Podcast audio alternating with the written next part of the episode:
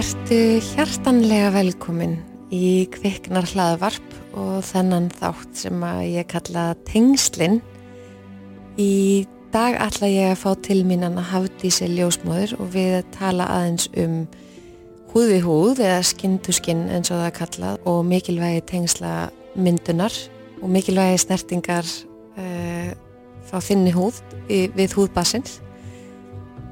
Síðan er hún Anna-Maria Geðlegnir koma til mín og við ætlum að ræða um mikilvægi tengslamyndunar og hvaða áhrif hún hefur og hvað tengslamyndun er í rauninni. Þessi þáttur er í bóði líf, kýropraktík.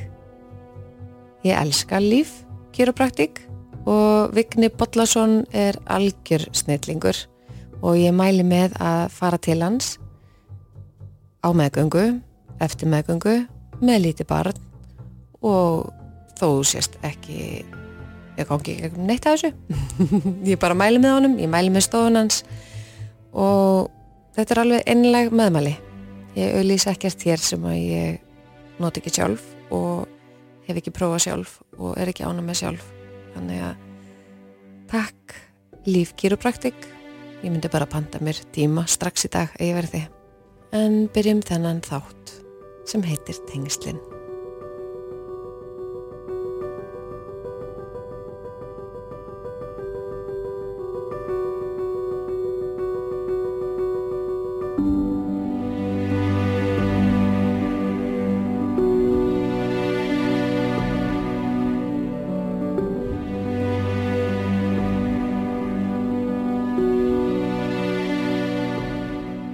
Við rættum hafðis mín í líf kviknar Já. um mikilvægi þess sem að þú kallar og er kallað skinn to skinn. Já, Viltu segja mér aðeins af hverju þetta hefur áhrif á tengslamyndun?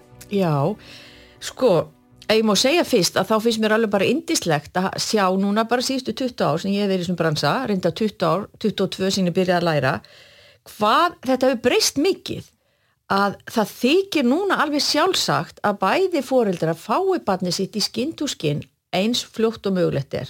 Já, eins og ég segja að skinn to skinn er húðkontakt þannig að það liggir skinn við skinn ekkert á milli, ekki bleia, ekki hanglaði, ekki neitt. Það er bara skinn to skinn og þess vegna notum við þetta orð mjög mikið.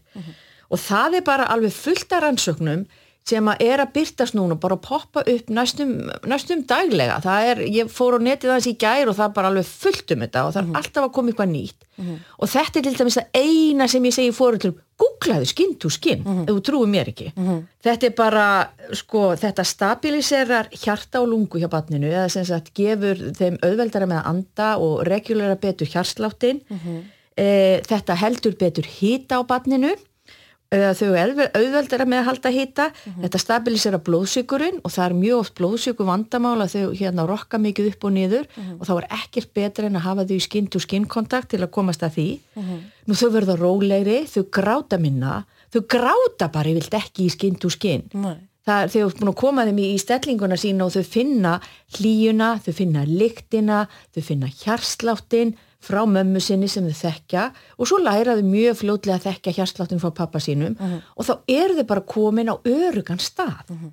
Svoleiðis er það bara og það er svo indislegt að fylgjast með þessu hvað þetta bara svona það róast allir niður. Já. Það minkar stress þegar mamma fær batni í fangi sitt í fyrsta sinn er alltaf jafn hartnæmt og, og, og allir verða rólegir og mamma líka og jafnvel eitt í keisara eins og þú veist, þú getur þú klappa á hann og komið við hann og, og þetta er svona magical moment. Og sama ávið um pappan þegar maður segir ok, nú skal þú fá þitt og, og far þú úr og ofan og fáðu krakkan hér. Og svo getur þið sett hanglað yfir ykkur bæðið að sangið eitthvað. Þið þurfi ekki að vera alveg ber Nei. en bara að skinn to skinn sé það sem skipti máli. Og það bara virkilega gerir það. Þetta sko, þetta bústa líka ónæmiskerfi. Það er alltaf að koma mjög skemmtilega rannsóknum með það hvað það gerir, þú veist, mikið fyrir badnið að fá bara flóruna úr skinni bæði foreldra sinna og þessna má alveg vera lykt þá má vera mjölkulykt, þá vera svítalikt þá bara líkamslykt, bara Já. eðlileg lykt. Þetta er, þetta er það sem róa badnið, við erum bara eins og hins spendýrin. Já.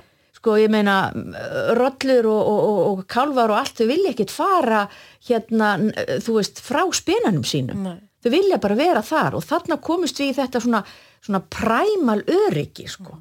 Og, og sérstaklega náttúrulega hjá mömmunni þú ert bara liggur á milli brjóstana hlustar á hjarsláttin og, og finnur lyktina svona eiginlega mjölkin í brjóstunum, við höldum þau gerir það. Það eru nokkar rannsóknir sem benda til þess að þau hafa svo gott lyktaskinn þannig að þá bara, ah, þá eru þau róleg.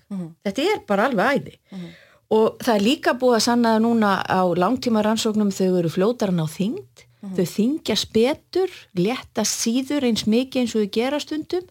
Þannig að það bústar þetta upp. Þetta hjálpa brjóstakjöfunni náttúrulega gífulega mikið. Og, og alltaf svo sorglegt þú ert heima hjá þér auðvitað þarf ekki að strippa þau þú ert eh, hérna einhver staðar úti. En heima hjá þér að leifa bannin að liggja skinn to skinn ekki að vera í ból og taka nýður og bara brjóstið út sko. leifa skinn to skinn. Þú veist, þegar þú getur það. Og það er talað um sko að það þurfa að vera svona 60 mínútur á hverjum degi svona alveg bara þú veist, ótrublað Já, þú veist, alla þannig að við erum það. að tala um alla sólringin alltaf Nei, nei, nei, nei, nei, nei Þú veist, barni má alveg dotta hérna og því getur dotta eftir brjóstökjum eins og þú veist svo vel Mm. og bara er indislegt þetta eigur líka uh, þú veist, relaxation hormónu hjá bóð, bæði móður og barni að það verða allir svo rólegir og þá getur þú tekið þetta svona eins og við kallum power nap sko. Já. Og það verða allir svona, ah, þú veist bara þægilegt og gott sko. Og þetta er talað um allavega fyrstu þrjá mánuðina. Þetta má endalust en það er talið að þetta verði til þess að þetta byggir upp svona bara ævilöng betri tengsl. Af því að þá ertu búin að þú veist að byggja grunninn svo opbúslega vel að það er svo auðvelt að byggja ofan á og þetta finnst mér svo skemmtilegt að mér finnst ég bara að sjá þetta sérstaklega á pöppum að því að þetta var ekki tísku fyrir 20 árið síðan að þeir var alltaf með því skinn to skinn en núna sé ég hvað börnin verða strax bara í heimaþjónustunum bara á fyrstu hérna 5-10 dögunum hvað hva barni get strax róast hjá pappa sín Já. þannig að við erum að Eða hinni mömmunni. já, já, eða hinni mömmunni, já, Já. já, já, mitt, hinum makkanum. Að það er það sem að skiptir öllu máli. Að, að þú veist að þú ert að fín pússa grunninn undir betri samskipti sem endast út lífið. Það er bara svo Veistu, Þetta er svo ótrúlega mikilvæga punktur. Einmitt og þetta þurfa allir að vita Já. hætt að vera með þess að bóksanska og húur og sokkabuxur og allt þeirra krakkar eru nýfættir Ég Og krútlegt að klæða þau upp. Já, sko, ég skil þetta alveg. Ég Já. hef verið amma og var alltaf að gefa svona fötnum með 50 sokkar og hand og þú veist, bara, og nú segir maður, þú veist, vefjaðun í teppi á millið sem þú ertu með í skinn to skinn eða nota auglupókana, Mm. frábært alveg, þá er bara einfalt og gott og hafa bara batna á bleginu fyrstu þrjá mánuðin allavega. Þú veist, það þarf ekki annað innan hús. Ekkert að vera að pjattast með þetta. Það er náttúrulega í fötu og ferðu út en þú veist, þetta er einfalt, gott, þægilegt og þetta er bara enda laust að bústa og ég bara segja það enn og aftur þeir sem ekki trúið því, fari bara á Google og það er bara, þú veist, miljón rannsóknur um þetta. En það er bara líka máli að vegna þess að það hefur svolítið, ég held að fólk tengi svolítið þetta skinn to skinn eitthvað við þessi fyrstu moment. Já, Þú veist, og ég veit að það er mikilvægt og þú talar fyrir því. já, alls en- sjálfsögðu Já. en ekki bara það. Nei, það er nefnilega ekki bara Nei. það, vegna þess að líka þær konu til dæmis sem að lenda síðan í bráðakeisara og það, að, það er eitthvað svona komplikasjónir. Já, Þú veist, að þú getur ekki fengið einn strax. já, þá tökur að þetta er ekki pappina. ónýtt. Nei, þá tökur pappina eða makinn Já, við einmitt. og þá segi ég oft við pappa ef ég lendi í svoleiðis, segir nú ert þú bara heppin Já. nú farð þú svona Já. búst á fyrstu kynnin Já. þannig að þú verður með krakkan hér þanga Já. til að eh, konan þín kemur aftur það er bara svoleiðis Já. og svo er mamman engar stund að vinna þetta upp því Nei. ég vildi er þetta kannski maksum eitt sólarhingur eða eitthvað þú veist, En svo líka til dæmis þessu börn sem að hérna, þurfa að fara í kassa eða eitthvað svona og ná ekki. Já, Að þá er þetta samt ekki, þetta er ekki ónýtt. Af því að- Nei, nei, alls ekki Nei. og það er mjög gætnan sagt sko að um leið og þú getur að setja hendi inn í kassa ef að Já. krakki þarf að vera með súrefni eða eitthvað Já. svoleið sko og strjúka því og láta það finna skinn to skinn og svo er þið mjög góður á vökudeildin um leið og hægt er að taka ka- krakkan úr kassanum og hann fái skinn to skinn við fóreldra sína Einmitt. það er allir rosalega meðvitaður um þetta Já. og það eru allir að pikka þú veist, að, að ná þessu og það er bara indislegt að sjá og ég bara, ég get bara svarið það, ég bara sé þetta svo virka svo ofbáslega vel, Já. aftur og aftur og aftur Já. og mér finnst þetta alveg indislegt og ég og sjálf barnabat sem er verið að fjagra ára og, og pappi hans tók því mjög vel og hann bara var alltaf bara farin úr ofan og leiðum kom heim úr vinninu og fekk krakkan í fangið og Já. þetta var bara þeirra stund sko þannig að þú getur haft þetta eins lengi og þú vilt á fyrsta árinu sko. Þú veist, þú getur haft krakka með bleiu en, en þú veist, svona þetta skinn to skinn knús Já. þetta verður bara meira svoleið sko. Og mér finnst líka svo merkilegt að þú segir einmitt, þú veist, að, að þú gerir þetta þessa fyrstu mánu, að þá byggi þetta upp tengsl út lífið. Já, það er alltaf að koma fleiri og fleiri rannsóknur um það sem að bara sjá hvað þessi krakkar eru bara fljótar í öllum hérna kognitími þroska mm. Í samanbörðurhópum við einhverja sem að hafa ekki fengið þetta. Þetta er bara alveg ótrúlegt. Já, Þetta er bara alveg ótrúlegt. Þetta er bara fínpúsin á grunnunum okkar svo við byggjum tengslinn ofana. Og allir sem hafa venni með eins og ég vunni með börnum sem hafa ekki fengið þetta og ekki náða mynda e, þú veist, hérna mm, fyrstu ástina á fyrsta árinu sínu, mm -hmm. börn sem hafa einhvern veginn orðið út undan að þau eru svolítið svona, það vantar svolítið grunninn það skilir ekki allir en þeir sem vita hvað er að tala um sko hafa upplifað þetta. En mm, nú er það bara já, skinn og skinn. Já, og, og það getur eins og verið pappin og, og það getur verið hinn mamman eða hinn pappin eða whatever.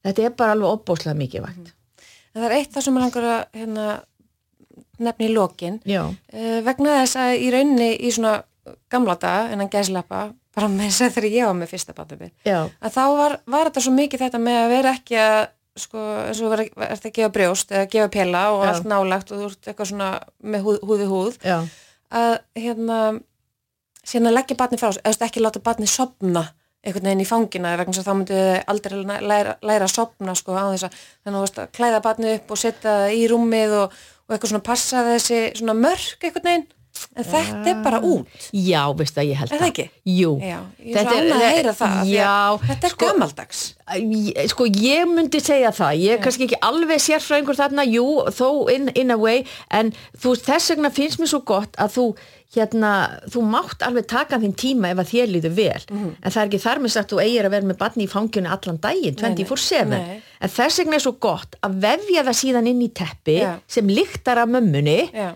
Ég læt mömmun að vera búin að vera með mjölkur leifar í því og svita og eitthvað svo leiðis og vefja þinn svona rapp svona eins og Doritos sko, Mhm. Já. eða sita því í pokan Já, það er bara, þú veist, svo einfalt og, og þau eru yfirleitt, þú veist, þegar þú sopna á brjóstunum þá eru þau svo ánað og, og sæl og sött og þá setur maður því í poka og leggjur svo aðeins frá sér.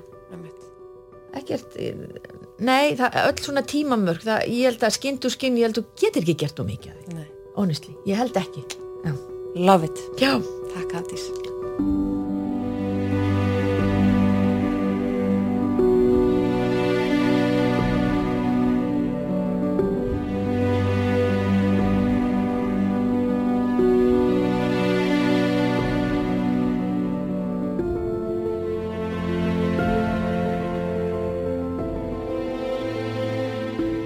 Ég ætla nú ekki að kleima að minnast á Ég mæli með Child's Farm vörunum sem eru alveg geggjaðar fyrir litla smábarna kroppa. Þeir eru með æðislega nutt olíu með svona mildri kókosleikt. Þeir eru með bublur svona í freyðibæðið og, og síðan svona, svona kroppasápu og allt saman hérna vegan og, og gott og með engum ilmi eða mjög mildum ilmi. Og ég hef bara verið ótrúlega ána með þessa sápur fyrir strákana, sérstaklega núna eftir að hérna, þeir eru báðubyrjar í leikskóla. Ótrúlegt bara grillað, alveg grillað. En það er ákveðin lykt sem fylgir leikskólum sem er einhvern veginn svona góð samt ekki þú veist þannig að ef að bara líði vel í leikskólanum þá tengjum við þessa lykt við, við eitthvað jákvætt en það er óskup gott líka þegar hérna, fyrir svefnin að, að taka hana af. Svona bara eins og við upplifum að þvó á okkur daginn eða hérna. Þannig að að fara í bublubað með Child's Farm vörunum og þvó smá með sápu í hárinu og, og hérna. Og ekki verra ef við tökum smá tásunutt með ólíunni á kvöldin. Ég mæli með Child's Farm vörunum og þakka þeim fyrir stuðningin í þessum þætti af tengslunum.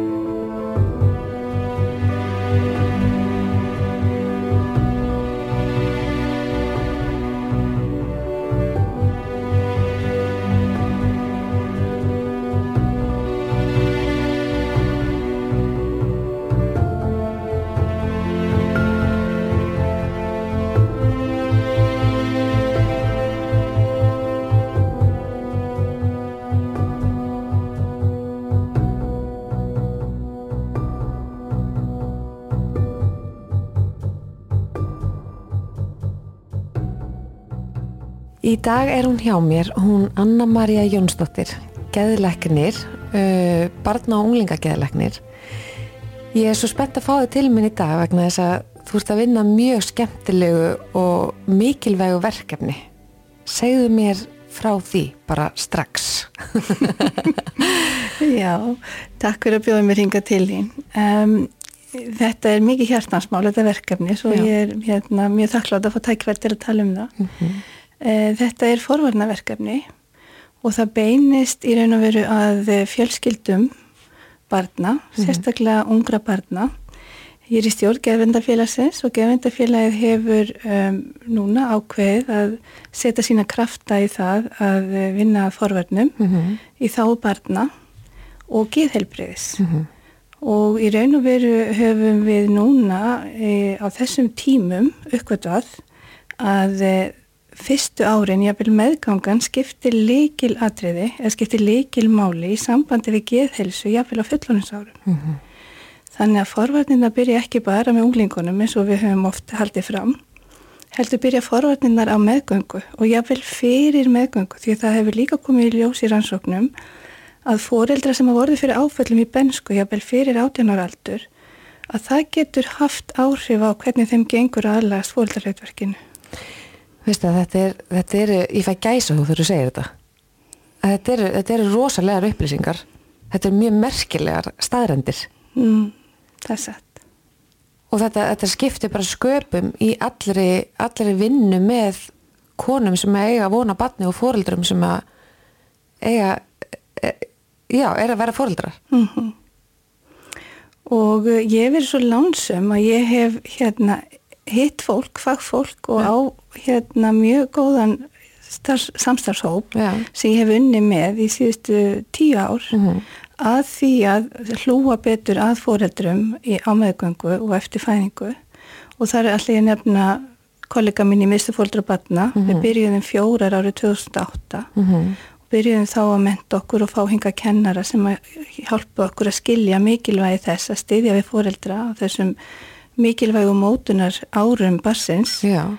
og við höfum verið að svona sapna verkværum til þess að, að geta gert það vel Já. og höfum mentað okkur í ymsu mótilum mm -hmm. eh, meðal annars mellow parenting og um, parent infant psychotherapy sem kemur frá Anni Freud Center í London mm -hmm og uh, síðan er uh, núna það sem við erum að vinna akkurat núna því þú spyrum hvað er ég að gera núna já, já. að uh, gefndafélagið hefur sem skert samning við uh, sem sagt bósvarsmenn sólihölaferðarinnar í Breitlandi og við erum byrjuð semst að halda námskeið fyrir fagfólk og áhuga fólk um þessa aðferð og við erum nýbúin að halda fyrsta námskeiði það sem var sem sagt bara auðlist eftir þáttakandum og fengum alveg frábæran skemmtilegan á áhuga saman hó og, um, og þetta fjallir mjög góðan jarveg mm -hmm. já, sólíðulaðferðin er svolítið skemmtilegt og merkilegt mótel, mm -hmm. en það verður til úr græsrótunni, getur maður sagt. Já. Eh, það byrjar þannig að um, hjúkunarfræðingur í Ungbarnavend í Sólihöll sem er hverfi í Birmingham í mm. Breitlandi mm. hún hefur samband við sálfræðing sem að, eh, er að vinna barna úlingageðdelt mm. af því að hún er í raun og veru í vandræðum með fjölskyldur sem hún skinnjar að eigi erfileikum, foreldrar sem eigi erfileikum með að sinna barninu sínu mm og uh, þær byrja að ræða saman um hvernig sé að hjálpa fjölskyldum betur í gegnum bæði meðgöngun og svo fyrstu mánuðin og árin eftir að badd fæðist mm -hmm. það sem að gengur ítla, kannski fóreldra með mikinn kvíða, er að koma með badnið á helsugjastluna óþarlega oft, mm -hmm. badnið kannski með lítinn hýta eða smá hósta og það hlaupi strax til læknis mm -hmm. að því að fóreldranir eru óryggir og hrættir um badnið sitt mhm. og upp úr þessu samstarfi hjúknarfræðings í ungbarna eftirliti og sálfræðings eh, sem heitir Hazel Douglas mm -hmm. að þá verður til þetta sem þær kalla sólihölmótilið og, og hvað er þetta mörg ár síðan? Það er að verða 20 ár Já. og það hefur síðan breyðst mjög mikið út og þetta, ég kalla þetta að það hefði komið úr frá græsótinni vegna að þetta byrjar bara með þessum tveimur konum mm -hmm. og þær uh, fara síðan að nota nota uh, bæði haugtök eða, eða sagt, eh, skilning úr uh, sálgreiningu. Mm -hmm. uh, þaðan kemur haugtak sem er kallað containment á ennsku og við höfum þýtt það í gefendafélaginu sem samhigð mm -hmm. og það er í raun og veru sagt, það er hæfileikin til þess að geta hlustað á aðra mannesku mm -hmm án þess að bregðast við, án þess að gefa ráð, án þess að fara að tala um, já ég hef nú líka lendið þessu. Já. Sagt líkilinn er að hlusta, taka við áhyggjumanneskunar, mm -hmm. bera það með henni og með því að þá getur manneskan sem hafði áhyggjunar fengi meira rými til þess að hugsa, hún endur heimtir hugsuna getur sína, já. getur fundið sjálf bestu leiðina út úr sínum vanda mm -hmm. og uh, þetta var í raun og veru það sem var leikillina því að fóreldrar sem að þessi hjókunarfræðingur var að sinna gáttu betur skinnjað barnið sitt, brugðist við því og nýtt sér þau ráð Já. sem að voru síðan gefin. Uh, þetta var sem sagt fyrsta uh, kannski skrefið í mótilinu, mm -hmm. það mhm. var að nota þetta hugtakum samheg, það mm -hmm. geta mætt annari mannesku á skilningi mm -hmm. og, og geta hlusta, tekið við og gefið tilbaka vísbendingar um að maður hafi heyrt það sem hinn var að segja mm og maður mhm. skildi hvað hann var að fást við síðan er um, það næsta sem að þær fundu að var gaglegt í vinnu með þessa fóreldra það var gagkvæmni mm það var bæði gagkvæmni á milli fagmanniskunar og fóreldrisins sem síðan hjálpaði fóreldrinu að vera með meiri gagkvæmni gagvart barninu sínu mm. Þannig að, að þetta er mótel sem í grunninn stuðlar að betri tengslamyndun. Já. Og, og það er akkurat það sem að e, rannsóknir og, og hérna lífælisfæðilegar rannsóknir til dæmis á bara heilaþróska sína að, að tengsl og samskipti er í raun og veru það mikilvægasta til þess að stuðla að góðum heilaþróska samskiptafærni, félagslegum þróska, námstróska mm -hmm. og velferðum allæfi. Mm -hmm. Já, það sem er svo merkilegt í sambandi við eh, hérna, það sem hefur verið uppgötta núna síðustu áratöginna, ég myndi segja svona síðustu tveir til þrýr áratöginir mm -hmm. og það er náttúrulega sérstaklega síðustu einn til tveir, mhm. að þá hefur verið að koma svo rosalega mikið af upplýsingum mhm. úr rannsóknum og sem sagt Eh, tegalífilisfræði heilans mm -hmm. og heila þroska og við fengið rannsóknar aðferðir eins og blóðflæðimælingar í heila og svona sem getur bara sagt okkur hvað er að gerast, hvað, hvað er í heilanum og hvað mm -hmm. er það sem að hérna, breytir þeirri starfsemi og uh, við sjáum að, að tengslamyndun, samskipti fólkdurs og bass og sagt, um, hæfileiki bassins til þess að róa sig sem verður til í þessum samskiptum það er líkilatriði í sambandi við alla velferð og helsu síður á æfinni. Mm -hmm. Þetta hefur áhrif á félagsróska bassins, félagslega færðni, þetta hefur áhrif á námsgetu, mm -hmm. þetta hefur áhrif á uh, í raun og veru bæði félagslega og, og hérna, tilfinningarlega helsu, geðhelsu mm -hmm. og velferð alla æfi.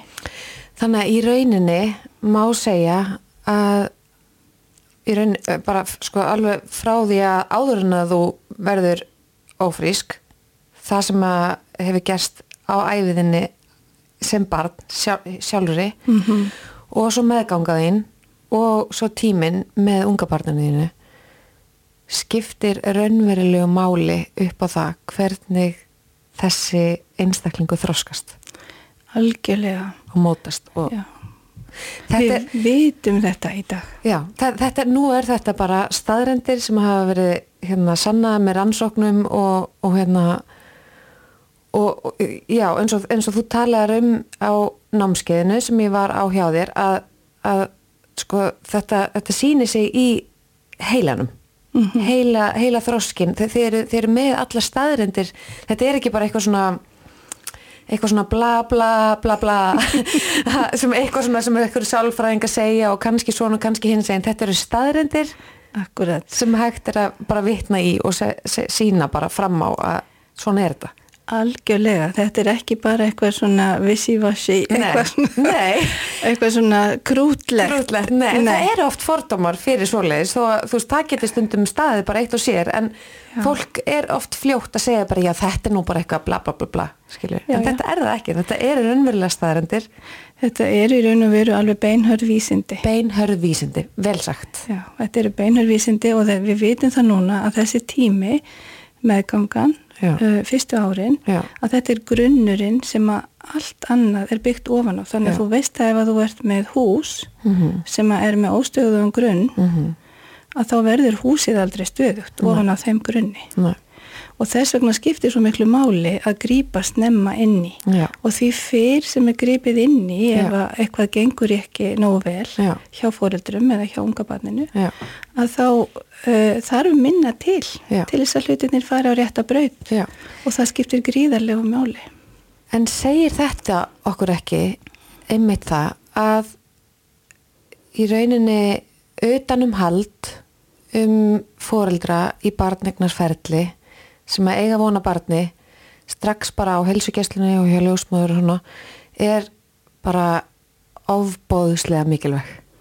það skiptir leikil máli að sjálfsögðu því að við erum í einstakri stöðu hér á Íslandi það er svo gott maður eftirlit Já, bara það er nánast 100% sem Já. að fá gott eftirlit að meðgöngu Já. það er kannski eitthvað öllitið undir því en ekki mikið nei, og uh, þannig að við höfum alveg sérst að tækifæri Já. til þess að finna konunnar já, sem að þurfa meirinn stuðning. Já, og uh, að mínu viti þá ættu við raun og veru ekki bara að vera að mæla þeirra sagt geðhelsu þá nei, uh, heldur líka bara að spyrja þær um hvernig sagt æfi þeirra hefur verið. Já. eru þær með mikla áfallasögu? Já. ef þær eru það þá gætu þær verið áhættu. Þó þær sé ekki að byrja, Já. ekki komnar með kannski þunglindi gætu verið með öllitinn kvíða. Mjög algengt að vera með kvíða meðgöngu. En ég myndi segja ef það er mikil áfallasaga eh, eða erfileikar í lífi konunar í dag, kannski erfið tengsl við maka eða hann ekki til staðar eða erfið tengsl við móður, þetta eru líka áhættu þættir í sambandi við hvernig gengur að taka móti barninu þegar það fæðist já, að þá ættu við ljósmar að vera vakandi fyrir því að spurja hvernig Já. líður þér, Já. hvernig gengur þetta einmitt. Og þið eruð núna byrjaðar að hérna fræða ljósmaður og þær eru farnar að koma á námskið í sóluhull, er það ekki rétt?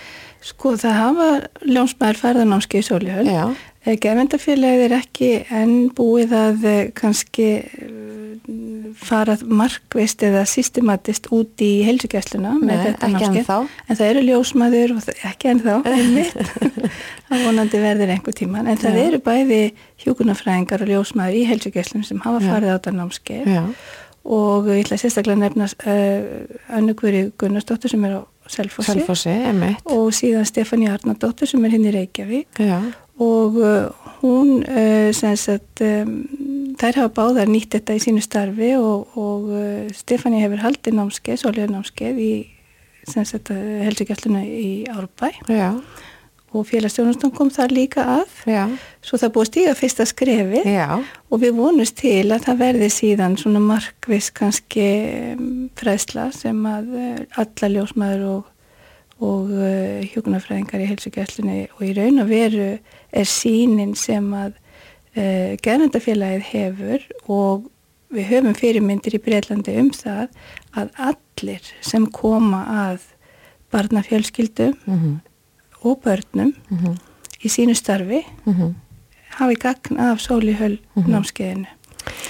Ég meina það er náttúrulega bara það er markmiðið að það er að innlega í rauninni þessa fræðslu bara þeir sem eru hérna í forsværi fyrir sveitafélagin bara endilega taka það til sín og vera með þeim hérna fyrstu til þess að að innlega þetta vegna þess að það, það er hægt að bara fræða, þetta er bara slökkvilið og laurugla og, og skólanir og leikskólanir og mm. helsugjæslan og, og allt saman félagsþjónustan, félagsþjónustan við myndum vilja sjá í raun og veru alla sem að hérna koma sem þetta eins og ég sagði þér að ungu fólki, já. fjölskyldum þeirra, já.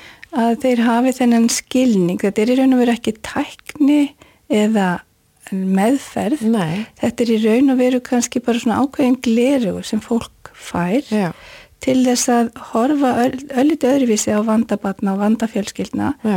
og við höfum verið rosalega uppleikin að því að móta atverðli uh mhm. -huh. og það er mjög mikið til að aðferðin sem að einblýna á atverðlismótun í leiðbynningu fyrir foreldra hvernig á að e, hjálpa börnum að breyta um hegðun, hegðun og uh, þar er mikið láhersla kannski á umbun en líka refsingu og time out eins og sagt á ennsku um, það sem að kemur í ljós er að oft virka þessar aðferðir ekki nóg vel. Uh, eh, fórættir er ekki vel með að fylgjus eftir. Þeim finnst það oft erfitt að mm -hmm. fylgjus eftir. Mm -hmm. þeir eru líka erfitt með að, að í raun og veru nota þetta vegna þess að þeir eru kannski uppfullir af áhyggjum eða uh, einhverju sem að trubla það að þeir séu að nýta þetta. Mm -hmm og það sem að sólihælið gerir öðruvísi er í raun og veru að atvellismótunin er í raun og veru þriðji þátturinn. Ég var búin að nefna á þann sem sagt uh, samhegðina. Já. Ég uh, sagði síðan frá gagkvarminni og síðust í rauninni er atvellismótunin. Mm. Þannig að það er mikil áherslu að lögða þetta í sólihælmótulinu að samhegðin er hjartað mm -hmm. í þessari nálgun mm -hmm. Og þar byrju við. -hmm og þar byrja maður í samtalenu og uh, maður hlustar og maður reynir að skilja hvernig hefur þessi vandi orðið til mm -hmm. maður reynir að fá fram söguna sem maður liggur að bak við vandan mm -hmm. ekki bara sögubarsins og hvernig þessi hegðun byrjaði eða hvort sem það er að barni er óvært eða borðar ekki eða farið að býta eða mm -hmm. gera eitthvað sem að manni finnst uh, að þurfa að laga, hjálpa mhm. barninu með mhm.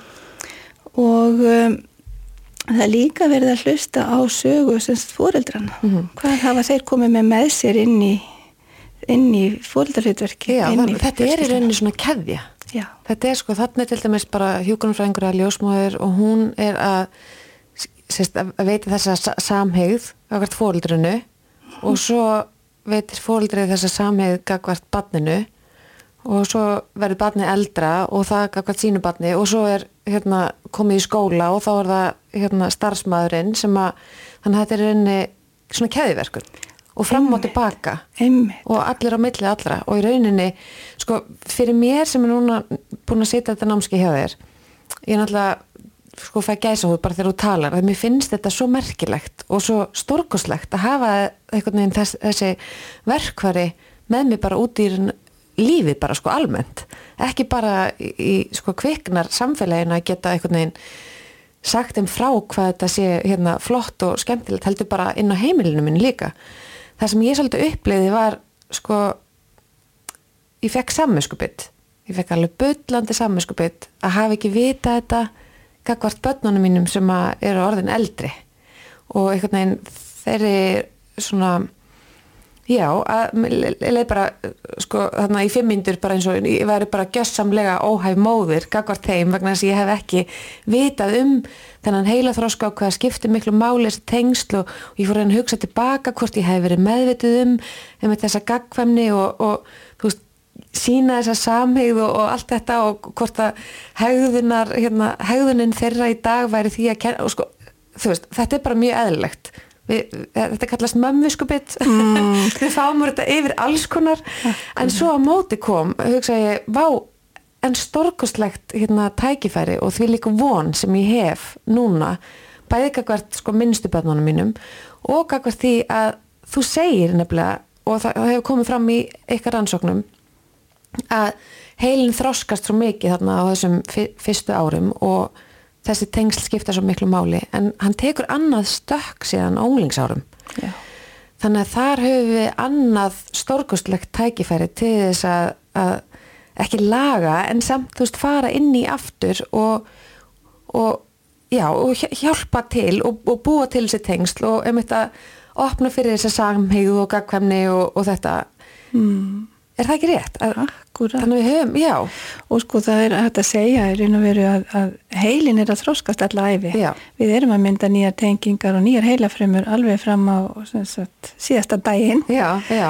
En e, það gerist hægar eftir já. því sem við eldumst. Emme. En þetta gerast ofbóðslega hratt fyrstu mánuðina, mm -hmm. í mhm. móðukviði fyrstu mánuðina á árin. Mm -hmm. En það er alveg rétt að það er annar gluggi á úlinsárum. Mm -hmm því að þá koma hormónarnir inn og heilin er í raun og verið að taka rosalegum stökkbreytingum eh, börn fara að hugsa meira abstrakt mm -hmm. þau náttúrulega kynast eins og nýjum tilfinningum á vissan hátt þá fer þeim aftur mm -hmm. í því að lesa úr sviðbreyðum mm -hmm. og uh, það er svolítið mikilvægt fyrir fóreldra að vita þetta til dæmis og það er svo mikið að gerast innræð með þeim að stundum finnst þeim of mikið og yfir þyrmandi að horfa í augun á þeim sem er að tala við þau þannig að mm. það er mhm. mikilvægt að vita maður á ekki að segja horfið í augun á mér að mig tala við þig. Einmitt.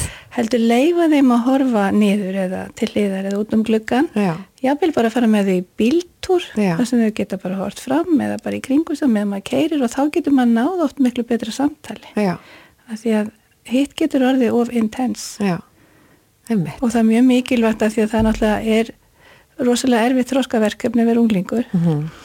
og um, það er náttúrulega verkefnið að aðskina, aðgreina sig frá fórildránum og það er stundum gert með miklum látum sérstaklega ef sambandi hefur verið mjög náið mm -hmm. þá getur þurft ennþá meiri kraft mm -hmm. til þess að losa sig en uh, það er svo mikilvægt að fórildránir hafna ekki barninu þó Já. að það skelli hurðum eða rjúki út Já. að fórildrið með í raun og veru sinn fullmótaða heila ja. sem er ekki fyrir við 24-25 ára aldur að heilin er fullmótaður mm -hmm.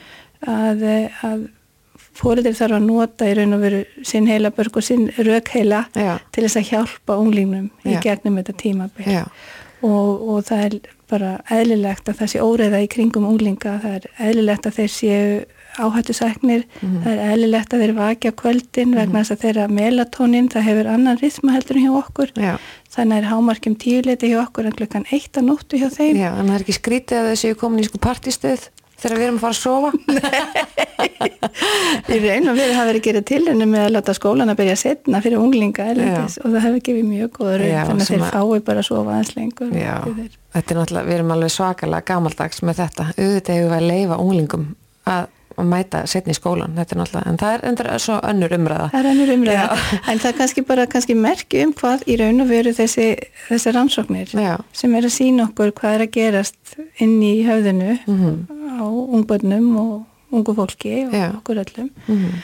það hjálpar okkur svo mikið kannski líka að aðlaga þjóðfélagið okkar að þessum þörfum og, og tengslinn eru mikilvæg vegna þess að þau róa kerfið, mm -hmm. ef það er góð tengsl, róa kerfið hjá börnum og þá náðu þau raun og veru e, bestum þroska, mm -hmm. þau auðveldara með að læra, e, þau auðveldara með að tilhenga sér hluti og nota skynsumina sín og byggja upp í raun og veru nýjan lærdóm. Mm -hmm. Þess vegna e, til dæmis, sko það er vitað að aðskilnaður frá fóreldrum og þá hafa börn ekki þennan stuðning til þess að róa sig við erfiðar aðstæður og nýjar aðstæður mm -hmm. það hefur mjög skadlega áhrif mm -hmm. og mikil streyta eða endurtekinn streyta af einhverjum orsökum, fóreldra geta jáfnvel verið á staðnum en ekki kannski verið í þessu gagfarma sambandi við barnið mm -hmm. eða náða að sína barninu samhegða því að fóreldrinu líður illa mhm. eða ef að börn fara á sjúkrahús, hér áður fyrir þá máttu fóreldra ekki vera með slíkar aðstæður mm -hmm. sem eru enduteknar eða langvarandi þær hafa mjög neikvæð áhrif á heilaþróskan mm -hmm. og það er bæði hérna fækkar heilafrum þegar það eru bara hreinsaður í burtu og það verða færri tengingar mm -hmm. sínir sig að það minni tengingar mellir vinstra og hægra heilakvæls mhm. og, og þetta er raun og veru veldur því að grunnurinn hann verður aðeins veikari fyrir þennan einstakling mögulega setna meir mhm. börn til dæmi sem að búa við heimilisofbeldi að þau hafa hérna uh, í raun og veru lifað það sem að kalla þér svona streitu eitrun Mhm. eða það er kallað toxic stress á, á hérna ennsku og þau hafa samskonar breytingar í sínum heila Mhm. eins og hermenn sem hafa verið í Vietnamstríðinu Já, hugsa þér. Já, og þetta er sko þannig að það sem að er að gerast inn á heimilunum Já, er svolítið ósýnilegt. Já, en uh, það er rosalega mikilvægt að við horfum ekki fram hjá því og lókum ekki augunum og við verðum að hjálpa þessum fjölskyldum að ég veit að mín reynslega er svo ég venni mjög, mjög, mjög mikið af fóreldrum í gegnum árin. Mm Mhm. fóreldrar vilja gera vel, þeir Já. vilja gera það besta fyrir börnin sin Já. en þeir þurfa oft hjálp já, til þess að skilja hvað barnið þarf, til þess að líða betur sjálfum, þeir geta verið að glíma við áföll, álög, á, á, álag, Mhm. áhyggjur af uh, bara félagslegum aðstæðum, fjárhagsaðstæðum Já. og við þurfum að vera sérstakka vakandi núna fyrir hvernig líður fjölskyldum og börnum í dag í Einmitt. COVID-ástandin, allir þessari óvissu og þetta efnaðslega ástand sem við veitum ekki hvað var í lengi. Já. Ég held að við sem samfélag þurfum að vera sérstaklega vakandi Mhm. fyrir því að passa upp á þessar fjölskyldur. Mhm. Því að það sem gerist ef að börn alast upp við svona endurtekið og langvarandi álag, þá verður möndlungurinn þeirra sem er sem sagt hluta heilanum sem tengist tilfinningaheilanum, hann verður ofvirkur Mhm. sem er það sem að gerðist hjá þessum hermennum í Vietnam. Mhm. Það veldur því að þau eru útsettari fyrir uh, áfallastreitu síðar á æfinni. Þannig að þau bregðast sterkar við áfallum síðar á æfinni. Þannig að uh, það er rosalega mikilvægt að eins og ég sagði við á hann að við horfum ekki fram hjá því sem að er að gerast í samfélaginu. Ég fagnar því að það hefur verið vitundavakning og það hefur verið sagt, frá landlækni ákveðin skilabóð um að við fylgjumst með börnunum í kringum okkur Mhm. og það er mjög mikilvægt. Mhm. En að því að bara nákvæmlega þetta sem þú ert að segja með sko samhæðina og gagkamna að hún hefur síðan áhrif á atferðlið í kjölfarið þannig að þið, þið eru að fara þennan ring sem er rauninni kannski annað heldur en oft hefur verið notað að fara bara beint í hefðunna hérna átt ekki að gera svona, mátt ekki að gera svona verður að gera svona. Að hérna að, að oft þarf ekki meira heldur en það að hlusta og gagkvæmna og þá breytist hegðunin og þá er hann alltaf ekki ósjálfrátt en samt bara í kjölfarið. Þetta með að kynnast barninu sínu hlusta á það og eins og þið tóku sem dæmi sko þegar lítil börn horfa á okkur og, og við erum eitthvað svona kjá framan í þau eitthvað svona "Ó", og þeir eru óða hérna ánægð svo lítaðu undan. Það er, það er merki til dæmis um að þau eru að kvíla sig. Þannig að við erum ekki að elda þau og horfa, nei sjáðu, sjáðu mömmu, sjáðu, en heldur eigum að gefa þeim þannig að þarna kemur þessi gagkvæmnis dans, er það ekki? sem þið. Akkúrat, jú. Að, og svo, svo horfir barnið undan og svo horfir það aftur á þig til að fá önnur fleiri viðbröð og svo stundum þannig að þá verður við að læra að spila með þessu og þannig erum við í rauninni að byrja að tala við barnið okkar að það ekki Algjörlega. Já, Og bara vera vakandi fyrir því þegar þau líta á þig. já, Veist, hvað vill hún núna? Kannski vill hún bara svona ég spjalli svolítið við hana. Já. Kannski er hún svöng, kannski Já. er hún þreytt.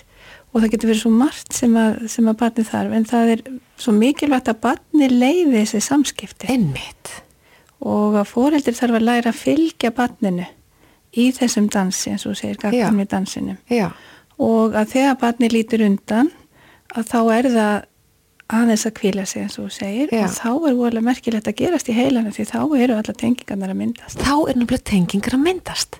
Hugsaðu hvað þetta er stórkoslegt þetta eru gallar vísindi. Er, þú veist að þegar við fengum að sjá svona myndband hjá okkur þar sem að bara hérna, erum að sína svona inn í heila mér fannst þetta svo merkilegt. Og nú hugsa ég bara þegar ég er að horfa bara á strákana mína. Þú veist og annað er hann alltaf bara tíu mánu að, að hann er mitt oft svona lítur undan og þá, þá nú sé ég bara fyrir mig sko þetta er að heila tengingar og, og hann er bara þroskast og að því ég minn svona lítið bönn þú sagðir að þau fæðast bara með í rauninni halva halvan heila Já, hann er sem sagt 50% af fullonastærð Já, við fæðingu. einmitt. Þannig að það er rosalega mikið sem á eftir að þroskast, Já. eftir að myndast og það er þess vegna líka sem börn eru svona í raun og veru mótanleg af umhverfinu. Já. Þess vegna líka fitta þau svo, eða þau passa svo vel inn í sína menningu sem þau eru alveg uppi, þau geta lært hvaða tungumál sem er. Einmitt. og þetta er alveg stór merkilegt þetta er svo merkilegt. Já, það er það. Sko ég held að ég þurfi bara að, hérna, að fá þið aftur. Og við þurfum að tala meira. Af því ég er að hugsa um að hérna, að í rauninni ykk, ykk, að þið blablabla. ég er hugsa um að, að þið hlustendur sem að hafi áhuga þessu að við við spjallum um þetta líka á kviknar Instagraminu og ég býti spurningaboks og við fáum hana önnum Maríu hérna aftur ef að það er eitthvað hérna sér óskir um umræðu tengt þessu. Og svo geta, hvernig, hva, hvað geta mæður sem eru að hlusta og eru fá svona gæsahúð eins og ég að, hérna af þessum upplýsingum, hvað geta þær gert til að nálgast í rauninni meiri upplýsingar frá ykkur hva, hva, hvernig geta það tekið þátt í að vera partur af þessu hérna, sólihöl upplýsingu í rauninni mm. Sko það er mjög miklar upplýsingar um þetta á heimasíði geðvendafélagsins okay. geðvend.is Það eru upplýsingar og fræðigreinar uh, meðal annars uh, eftir sæjunni Kjartansdóttur og, og fleiri svona sem að hafa hérna, áhuga á þessum málefnum. Já.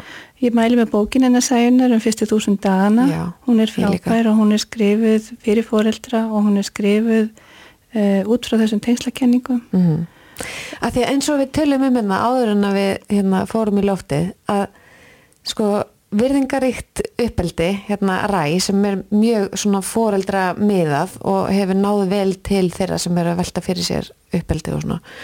Og þúsund fyrstu dagarnir, dagarnir hérna sem að sæjun hefur verið að presentera og svo sólhul. Þetta er allt saman byggt á tengslakenningum. Mm -hmm. Þetta snýst allt um tengsl foreldris og barns Já, það vegna þess að þessi gallarði vísindi sem ég sagði frá aðan Já. að þau segja okkur að eh, það skiptir verilegu máli hversu næmir fóreldrar eru á börnin sín Já.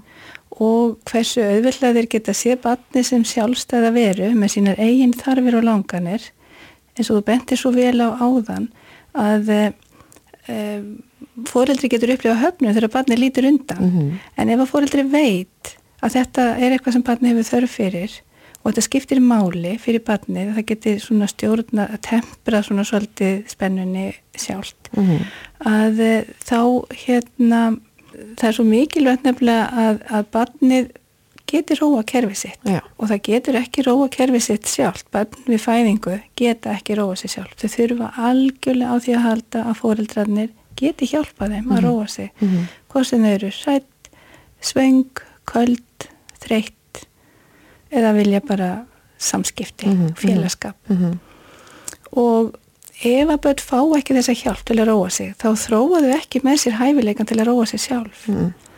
og uh, það sem að gerist líka mikilvægt í þessum samskiptum í byrjun lífsins við fóreldrana og umununaræðala er hæfileikin til þess að einbeta sér -hmm. og hæfileikin til þess að skipilegja sig, fara eftir plani, sortira áreiti og uh, þetta eru svona líkil þættir í allri geðhelsu það er að geta róa sig mm -hmm. Þegar maður fyrir uppná mm -hmm. og það er að geta notað hugan sinn til þess að gera það sem maður þarf að gera til að klára daginn, hvort sem mm -hmm. það er í vinnu eða heima, mhm. skipilegja sig útlöka áriti, fórgangsraða hlutum þetta kalla cognitive functioning mhm. á einsku og þessir tveir eiginleikar eru mótaðir langmest í tengslum við samskipti mm -hmm. bass og foreldris og þeirra sem eru með þá. Það er náttúrulega við vitum að börni í dag á Íslandi eru mikið á barnaheimilum mm -hmm. eða fyrir göð það heita leikskólar í dag, ég er já, svo gömur kona í mínum huga er þetta barnaheimili og, og fóstra. Mér finnst þetta barnaheimili og fóstra alveg mjög, alveg óslega falli orð. Það eru mjög falli orð, Já. þess vegna held ég að ég einhvern veginn freistist eða svona detti í það að nota þau Já. að þau lýsa líka svo vel hvað er sem börn þurfa á sem aldrei, þau þurfa fyrst og fremst þetta öryggi Mm -hmm.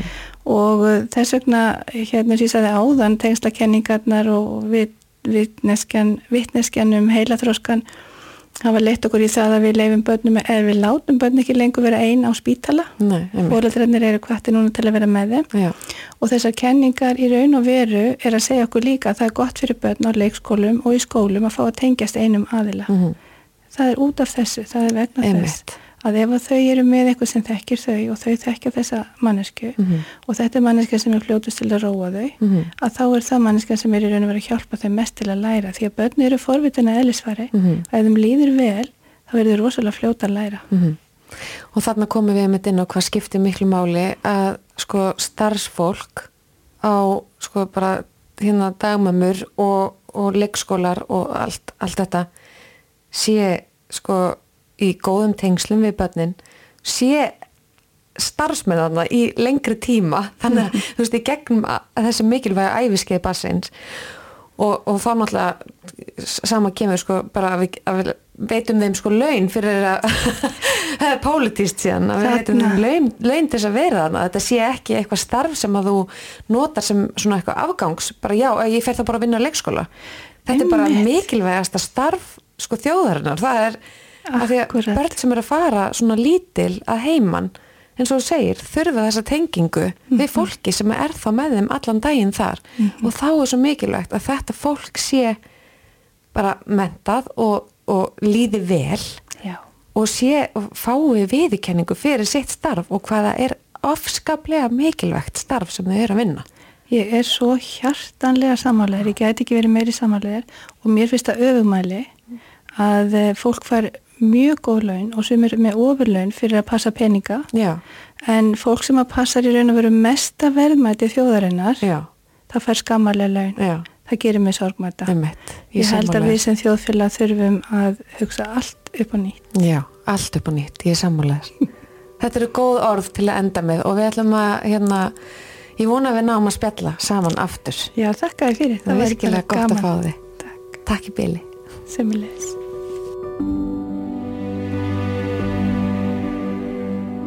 Takk til Hafdísar Ljósmóður og Önnu Maríu Geðlegnis. Endilega hvet ekkur til þess að googla bæði skinn to skinn og líka sólihull nálgunin sem hún Anna Maríu er að kenna. Ég hef setið námski hjá þeim.